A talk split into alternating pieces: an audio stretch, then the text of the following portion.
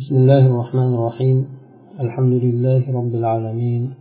الصلاة والسلام على أشرف الأنبياء والمرسلين نبينا محمد وعلى آله وصحبه أجمعين. أما بعد مواليوي معاملات كتاب دان بوليات كان درس ده بانك كرستاليان خزمت لر حقدا بوليات كان درس مز شلوردان شو بانك خزمت لردان ينبر بولمي حقدا bu oltinchisi mana kelyapti. Tijoriy varaqlarni hasm qilishlik ya'ni uni kesib olishlik degan ma'nosida hop ya'ni ikkita tomon tijorat e, kelishuvini qilgan bo'lsa keyin o'sha tijorat kelishuvini qilganlardan bittasi bankka murojaat qiladi. Bankdan o'sha tijorat varag'idagi kelishuvni bankdan oladida bankka esa o'sha ikkinchi tomondan e, oladigan pulni qoldiradi.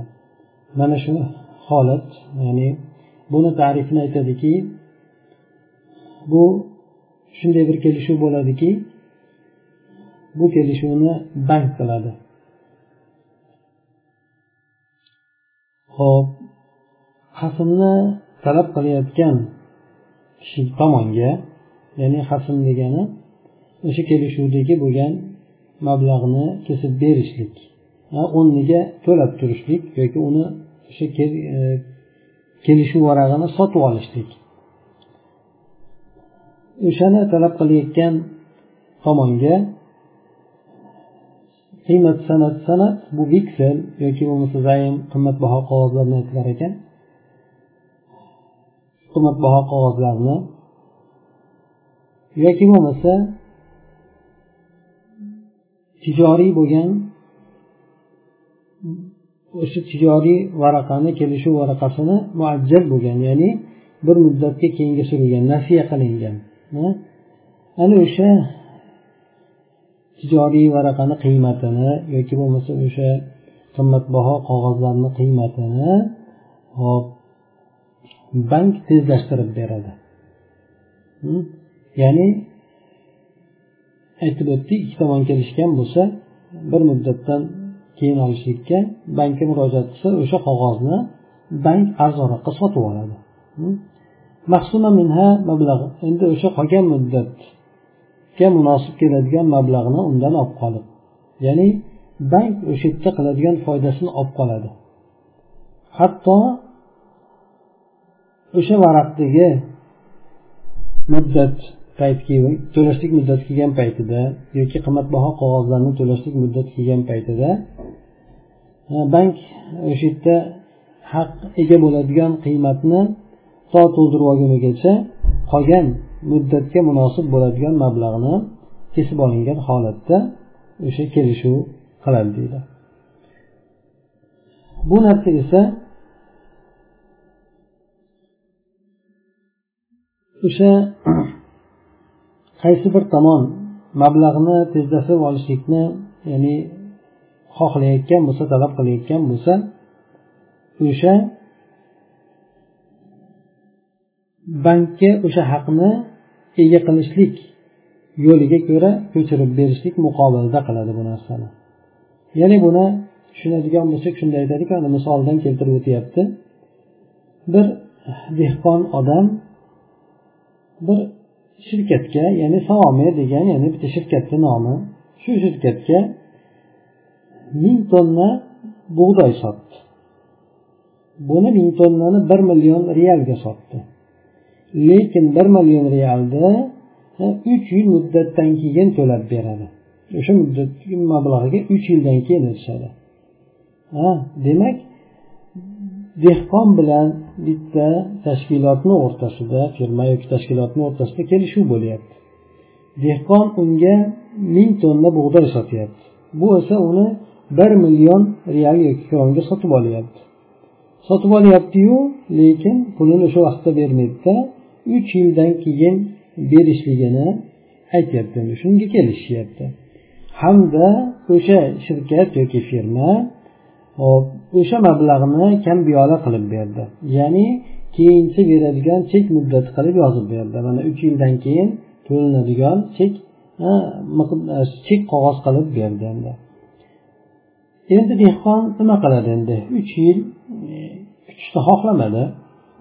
Bu masalan o'sha bir million pulni uch yildan keyin olaman endi deb unaqa xohlamadida ertaroq shuni arzonroqqa ham sotib bo'lsa olib olaman dedi. O'sha qog'ozni o'sha kelishuvda berilgan o'sha kambiyola qog'ozini xatm qilishlikni xohladi. Hozir qilib olishlikni xohladi uni qiymatini oldinroq olishlikni xohladi. O'sha varaqni kesib turib hozir turib qiymatini tezroq olib olishlikni xohladi. Hamda uni banklarni bittasiga naqdga sakkiz yuz ming realga yoki kronga sotdi endi demak ikki yuz ming zarariga sotyapti endi. Mana shu bilan bank o'sha firmani nomidagi bo'lgan bergan o'sha chek qog'oziga ega bo'lyapti endi. Tushunarli bo'lgan bo'lsa kerak. Demak bir dehqon bo'lgan odam bir shirkatga bir million kronga yoki realga ming tonna bug'doy sotdi. Endi o'sha narsa uch yildan keyin beradigan chek bilan berdi endi tashkilot chek yozib berdi. Bank e, nima dehqon esa o'sha paytda kech olishlikni xohlamadida tezroq olay deb turib bankka borib bankda kelishuv qildida hamda o'sha bir millionlik bo'lgan qog'ozni sakkiz yuz mingga sotdi endi naqdga sotdi.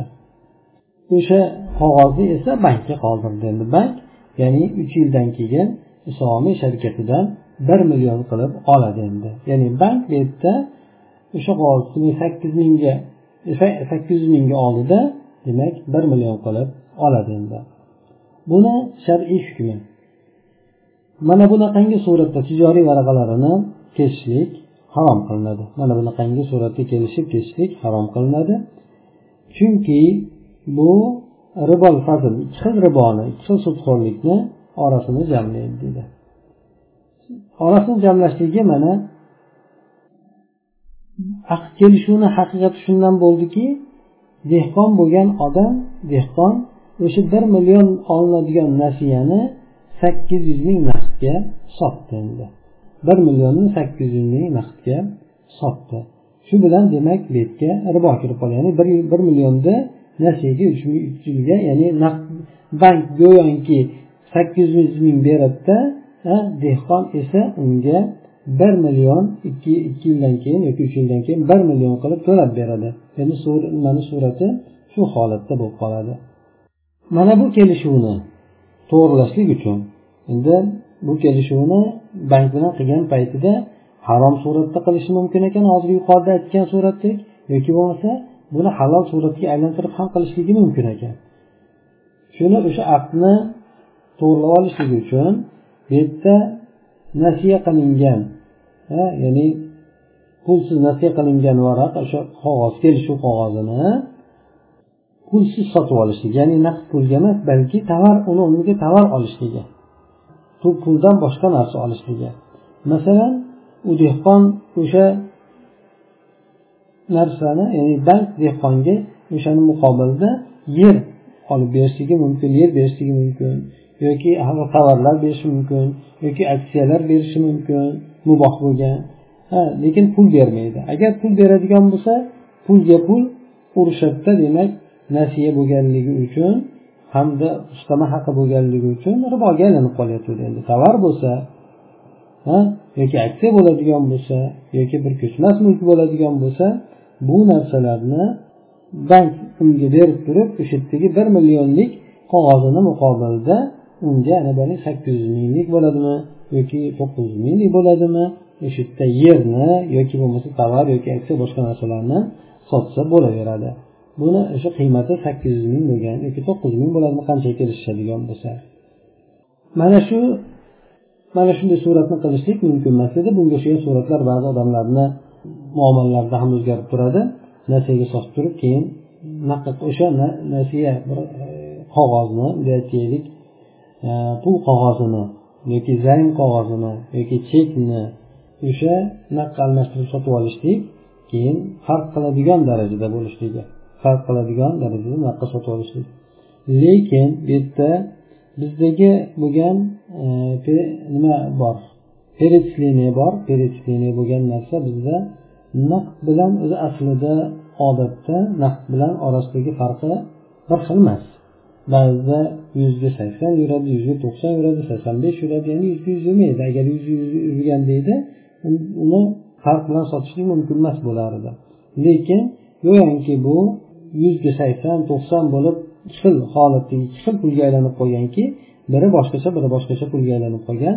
Shuning uchun bu holat bu aytayotgan masalamizga kirmaydi. Ya'ni meditsinaga turib keyin sotib yuborishlik bular ikki xil pul hisobida yurganligi uchun bu yuqorida aytilgan masalaga kirmaydi. Agar ikkalasi bir xil pulni miqdorda olib yurgan deydi lekin e, masalan ko'pni ozroqqa sotib olishlik uchun naqdlab olish uchun qilgan deydi u narsa mumkin emas bo'lar edi.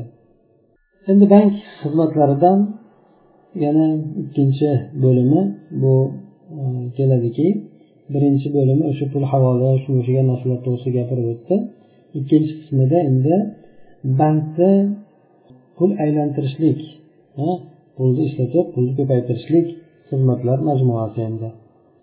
Bu bilan تلك الأوعية التي تنشئها المصارف لغرض تجميع أموال عملائها فيها ومن ثم تنميتها لهم عبر أساليب توظيف الأموال المختلفة وفي المقابل يأخذ المصرف عمولة لقاء هذه الخدمة وتسمى هذه الأوعية لدى المصارف بالصناديق الاستثمارية.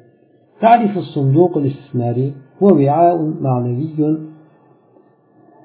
تجمع فيها أموال المستثمرين ويتاجر يتاجر بها يتاجر بها في مجالات الاستثمار المختلفة.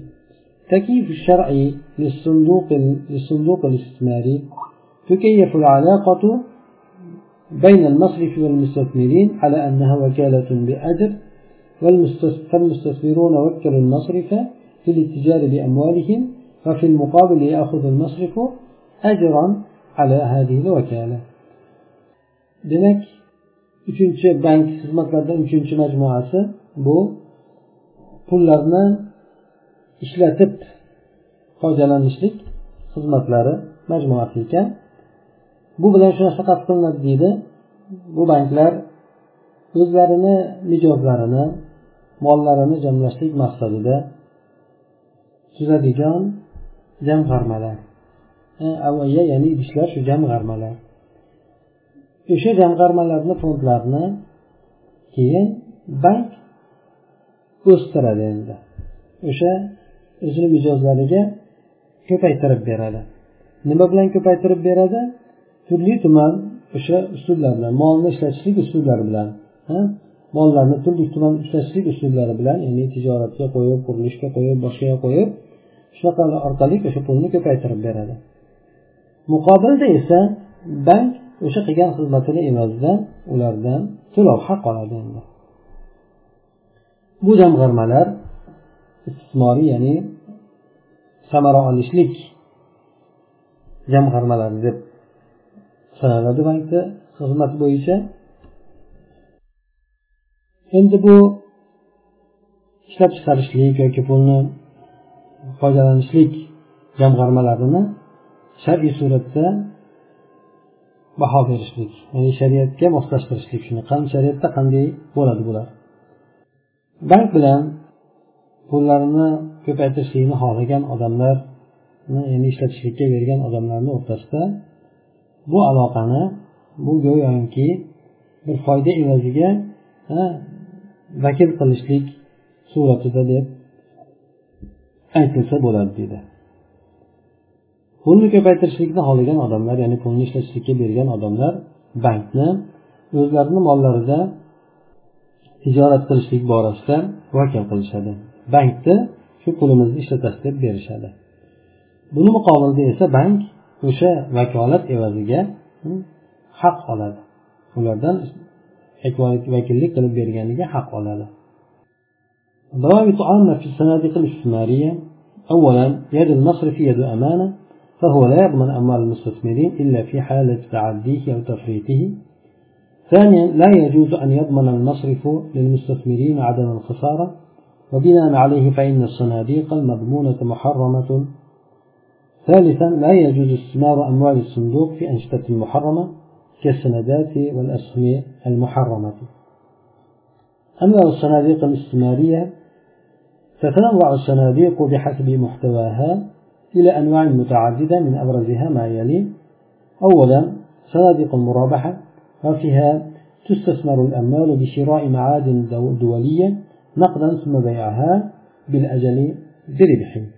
حكمها هذه الصناديق جائزة بشرط التقيد بالضوابط الشرعية في البيع والشراء. ثانيا صناديق الأسهم وتستثمر فيها الأموال في المتاجرة بالأسهم حكمها يختلف حكمها بحسب نوع الأسهم التي يتاجر بها. وسيأتي تفصيل أحكام الأسهم في بابها إن شاء الله. ثالثا صناديق السندات وتستثمر الأموال في هذه الصناديق في المتاجرة بالسندات حكمها هذه الصناديق محرمة لما سيأتي في أحكام الأسهم إن شاء الله demak bank bu yerda odamlarni pulini tijorat qilishlik maqsadida olib turib o'sha mijozlar bankka pullarini qo'yishadi tijorat qilib berishligi uchun bank ularni nomidan vakil bo'lib o'sha pullarini aylantiradi Yoki qo'ygan qimmatbaho toshlari bo'ladimi yoki qimmatbaho qog'ozlari bo'ladimi bularni aylantiradi. Hamda o'shandan chiqqan ishlatib berganiga uni haqqiga bank o'zi uchun haq oladi. Shunday deb demak bank bilan bu pullarini ishlatishga qo'ygan mijozlarni o'rtasidagi bo'lgan aloqani aytishlik mumkin bo'ladi.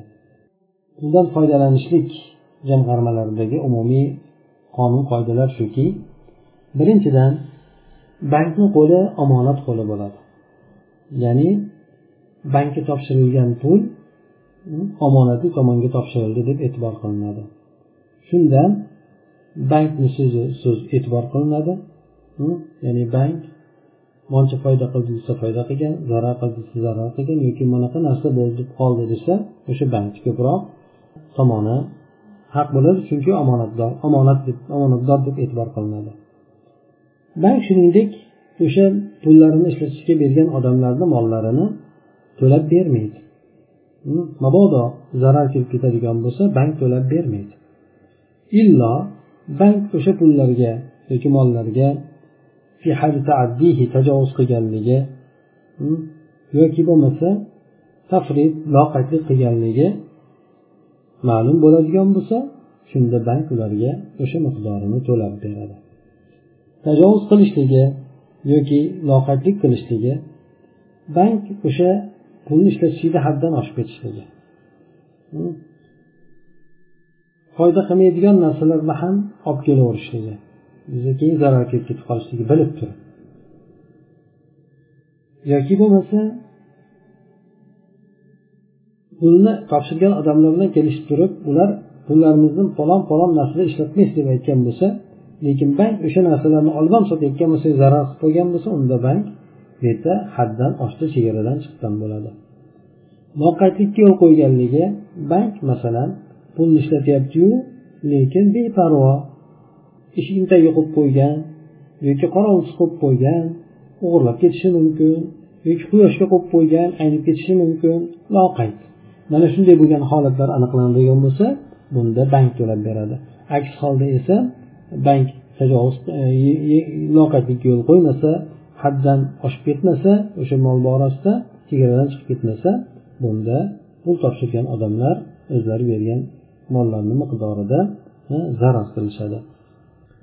Ikkinchidan bank o'sha pulini topshirgan odamlarga ziyon qilmaslikni kafolatlab bermaydi. Kafolatlab berishligi mumkin emas yoki to'lab berishligi mumkin emas endi. Ya'ni bu nima degani. Bank pul berib turib bizga palonchadan foyda berasiz zarar bizga emas desa. Yoki bank beringlar zarar zarari menga masalan sizlarga to'lab beraman zararini deydigan bo'lsa bu yerda bu narsa mumkin emas. Sababi bu ishlatishlikka emas qarz berishlikka aylanib qoladi.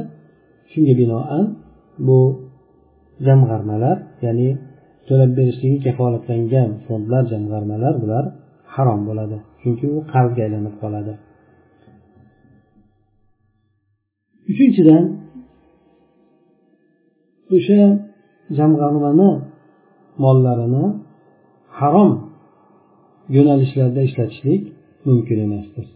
Masalan harom bo'lgan aksiyalar sotib olishlik harom bo'lgan zaynlar yoki pul qimmatbaho qog'ozlar sotib olishlik kabi harom bo'lgan yo'nalishlarda ularni mollarini qo'ygan pullarini ishlatishlik mumkin emasdi.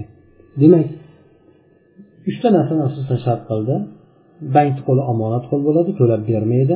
Chunki bir narsani omonatga olgan odam mabodo omonatga biron narsa qoladigan bo'lsa to'lab bermaydi. Bu odamni qo'liga omonat qo'yilgan xolos u narsa. Illo loqaydlik qilgan bo'lsa beparvolik qilgan bo'lsa bunda to'lab beradi.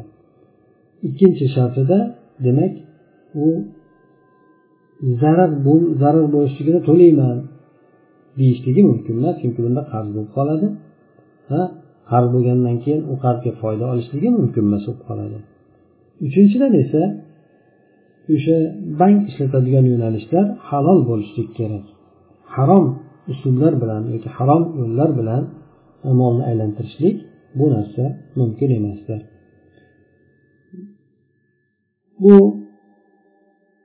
pul aylantirishlik jamg'armalari turlari bu yerda o'z ichiga olgan holatlarga ko'ra turli qismlarga bo'linadi bularni eng ko'zga ko'ringanlaridan birinchisi ya'ni bir narsani olib turib foyda qo'yib turib sotishlik e, bunda mollar davlatlararo bir konlar sotib olishlik bilan mol mollarni ishlatiladi. Naqdga sotib oladida keyin esa foyda qo'yib turib nasiyaga sotadi. Ya'ni bank temir sotib oladi. Yoki bo'lmasa aytaylik nikel yo uran yo boshqa narsalar xullas kalom e, pul bo'lmagan tovar bo'lgan moddalarni sotib oladida naqdga sotib olib turib nasiyaga foyda qo'yib turib sotadi endi bu narsani hukmi bu bunaqa jamg'arma qilishlik bunaqa ishlatishlik joizdir shart shu shart bilanki oldi sotdidagi e, e, shart qilinadigan o'sha shar'iy bo'lgan qonun qoidalarga aytlanib shuni ishni qiladigan bo'lsa bu joizdir endi. Demak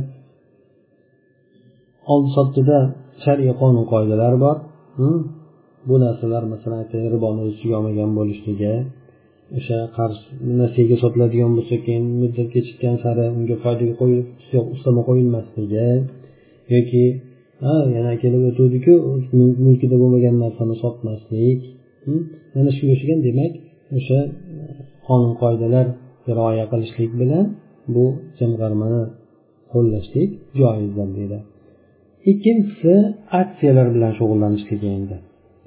Bunda mollarni aksiyalar sotib olishlikda oldi sotdi qilishlikda foydalaniladi ishlatiladi mollarni. Buni hukmi esa tijorat qilinayotgan oldi sotdi qilinayotgan aksiyalarni turiga qarab turib bo'ladi. Ya'ni halol aksiyalar bo'ladigan bo'lsa halol bo'ladi harom bo'lsa harom bo'ladi endi. Buni esa tafsiloti shu inshaalloh o'zini bobida keladi deydi ya'ni aksiyalar bobini aytayotgan paytda. Shunda o'tadi. Uchinchi surati bu qimmatbaho qog'ozlar oldi sotisi zaynlar oldi sotisi bo'ladi. Veksel shunga o'xshagan demak bu yerda g'ob bo'ladi hukmi esa harom bo'ladi chunki bu pulni pulga sotishlik bo'lib qoladi. Bu esa inshaalloh aksiyalar hukmi borasida gapirib o'tilayotgan paytda keladi deydi. Aksiya bilan bu sanadotni o'rtasidagi farqi aksiya demak bir bilasizlar bu narsani bir shirkat yoki firma yo fabrika yo zavod o'zini o'sha e, nimasini dasmoya yoki bunday aytganda o'zini hajmi mobayni e, miqdoriga qarab turib e, o'sha aksiyalar chiqaradi aksiyalarni sotib oladi. Odamlar sotib olib o'sha nima ishlab chiqarishga boshqa narsasi foydalanib ko'payadigan bo'lsa bular xullas o'sha zavodni egasidek bo'lib qoladida. Har bittasi o'zini olgan aksiyasiga yarasha ulushni olishadi endi. Demak bu tovarni muqobilida qilinadigan narsa ho'p ya'ni bular zavodda sotib oladi yoki fabrika sotib oladi shunaqa. Endi sanodat esa bu zayn. Bunday aytganda pul pul qachon sotsa u pul bo'laveradigan narsa bo'ladi pul bo'ladi endi. Shuning uchun bularni oldi sotdiligi mumkin emasdir deb aytilyapti ya'ni naqdga olib narsaga sotishlik bu narsalar mumkin emasdir. Undan keyin oltinchi bo'lim bu shirkatlar borasida. تمهيد في أنواع الشركات الشركات على نوعين النوع الأول شركة أملاك تعرفها هي اجتماع اثنين فأكثر في استحقاق مال بشراء أو هبة أو إرث أو غير ذلك ومثالها كأن يشتركا في شراء عقار أو سلعة أو يوهب لهما أو يوصى لهما بشيء فيقبلا فيكونا شريكين أو يرثا شيئا فيكون الموروث مشتركا بينهما شركة تملك شركة ملك. ما يترتب على هذه الشركة؟ يكون كل واحد من الشريكين أجنبيا في نصيب شريكه فلا يجوز له التصرف فيه بغير إذنه وهذا النوع ليس مقصودا في هذا الباب. shirkatlar shirkatni turlarida kirish qism shirkat ikki xil bo'ladi birinchisi hop mulk shirkatlari buni tarifi shuki ikkita odam yoki ko'proq odam bir molga ega bo'lishlikda sherik bo'lishadi jamlanib qolishadi. Bu molni bir bir sherik bo'lib sotib olishadimi? Yoki ikkalasiga hadya beriladimi? Yoki ikkalasiga meros qoladimi? Yoki boshqa uslublar bilan bo'lsa? Qanday bo'ladigan bo'lsa xullas ikkita odam yoki bir qancha odam o'sha narsasi sherik bo'ladi. Buni misoli mana aytaylik ikkita odam bir ko'chmas mulkni sotib olishlikda yoki bir tovar sotib olishlikda sherik bo'lishdi. Yoki ikkalasiga hadya qilib berildi ikkalalariga deb. Yoki bo'lmasa ikkalasiga vasiyat qilindi. Vasiyat qilindi birov o'lgandan keyin ikkalasiga qoladi dedi. Ikkalasi bo'lib deb qabul qilishdi shu narsani. Demak bular qabul qilgandan keyin shu narsalarni sherik bo'lib qolishadi. Hamda yoki bo'lmasa ular bir meros to'g'ridan to'g'ri vasiyat orqali emas to'g'ridan to'g'ri meros oladi. Masalan aka ukaga bitta narsa qoladi deylik bu yerda meros qilingan narsa ikkalasini o'rtasida mulk shirkati bo'yicha shirkat bo'lib qoladi sheriklik bo'lib qoladi. Endi bu shirkatdan kelib chiqadigan holat ya'ni nima bo'ladi? Ikkala sherikdan har biri sherigini nasibasida boshqa sherigini nasibasida begona bo'ladi. U uchun u borada uni uzrsiz tasarruf qilishligi mumkin emas bo'ladi.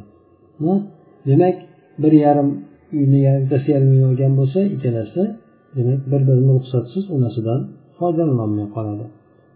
hop mana bu tur esa bu bobdagi bizni maqsad qilgan narsamiz emas deydi ya'ni biz maqsad qilayotgan narsamiz shunday sheriklik bo'ladiki ikkalasi sherik bo'lib ishda ish qilaveradigan sherik bo'lib foydalanaveradigan ikkinchi turi demak endi shirkatul uqud bu bobdagi maqsadimiz mana shu aqd shirkatlari dedilar mulk shirkati emas balki aqd shirkatlari تعرف عقد الشركة هو اجتماع اثنين فأكثر في تصرف من بيع ونحوه حكمها الشركة جائزة بالكتاب والسنة والإجماع فمن الكتاب قول الله تعالى وإن كثيرا من الخلطاء ليرضي بعضهم على بعض إلا الذين آمنوا وعملوا الصالحات وقليل ما هم.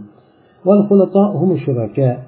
ومن السنة الحديث القدسي المروي عن أبي هريرة رضي الله عنه يرفعه إلى النبي صلى الله عليه وسلم إن الله يقول أنا ثالث أنا ثالث الشريكين ما لم يخن أحدهما صاحبه فإذا خانه خرجت من بينها من بينهما وأجمع العلماء على جواز الشركة من حيث الجملة عقد الشركة بو ikkita odamni ko'proq bo'lgan odamni oldi sotdida oldi sotdi borasida tasarruf qilishlikda kelishuvi ya'ni oldi sotdi qilamiz deb turib ikkitadan yoki ko'proq odam kelishishi hukmi shirkat sherikli bo'lishlik qur'on sunnat ijmoni ijmo bilan joizdir. Alloh taoloni so'zi mana qur'oni karimda sheriklardan ko'pchiligi ba'zilari ba'zilariga zulm qilib qo'yishadi bir birlariga zulm qilib qo'yishadi tajovuz qilib qo'yishadi haqlarni yeb qo'yishadi. Illo iymon keltirib solih amal qilgan kimsalar bundan mustasno va ular esa judayam ozchilikdir. Ko'pchilik odamlar sheriklar sherigidan bezor bo'ladi. Xulato degani bu sheriklar degani. Sunnatdan esa hadis qudusiy bu abu roziyallohu anhudan rivoyat qilingan. Bu kishi bu hadisni payg'ambar sallallohu alayhi vasallamga ko'taradi. U kishi aytganlar ekanki alloh taolo aytadi men ikkita sherikni ya'ni ikkita bir biriga sherik bo'lgan odamni uchinchisiman. Modomiki ularni birisi sherigiga xiyonat qilmaydigan bo'lsa men ham o'shalarni sherigi bo'lib turaman. Agar mabodo ha birisi birisiga xiyonat qiladigan bo'lsa men ularni o'rtasidan chiqib ketaman. Ya'ni alloh taolo baraka beruvchi alloh taolo chiqib ketadi. Shu bilan ularni o'rtasida baraka yo'qoladi. Hop. Olimlar esa umumiy suratda sheriklikni joizligiga ijmo qilishgan. Ya'ni umuman aytaylik sherik bo'lib ishlashlik mumkin deyishadi.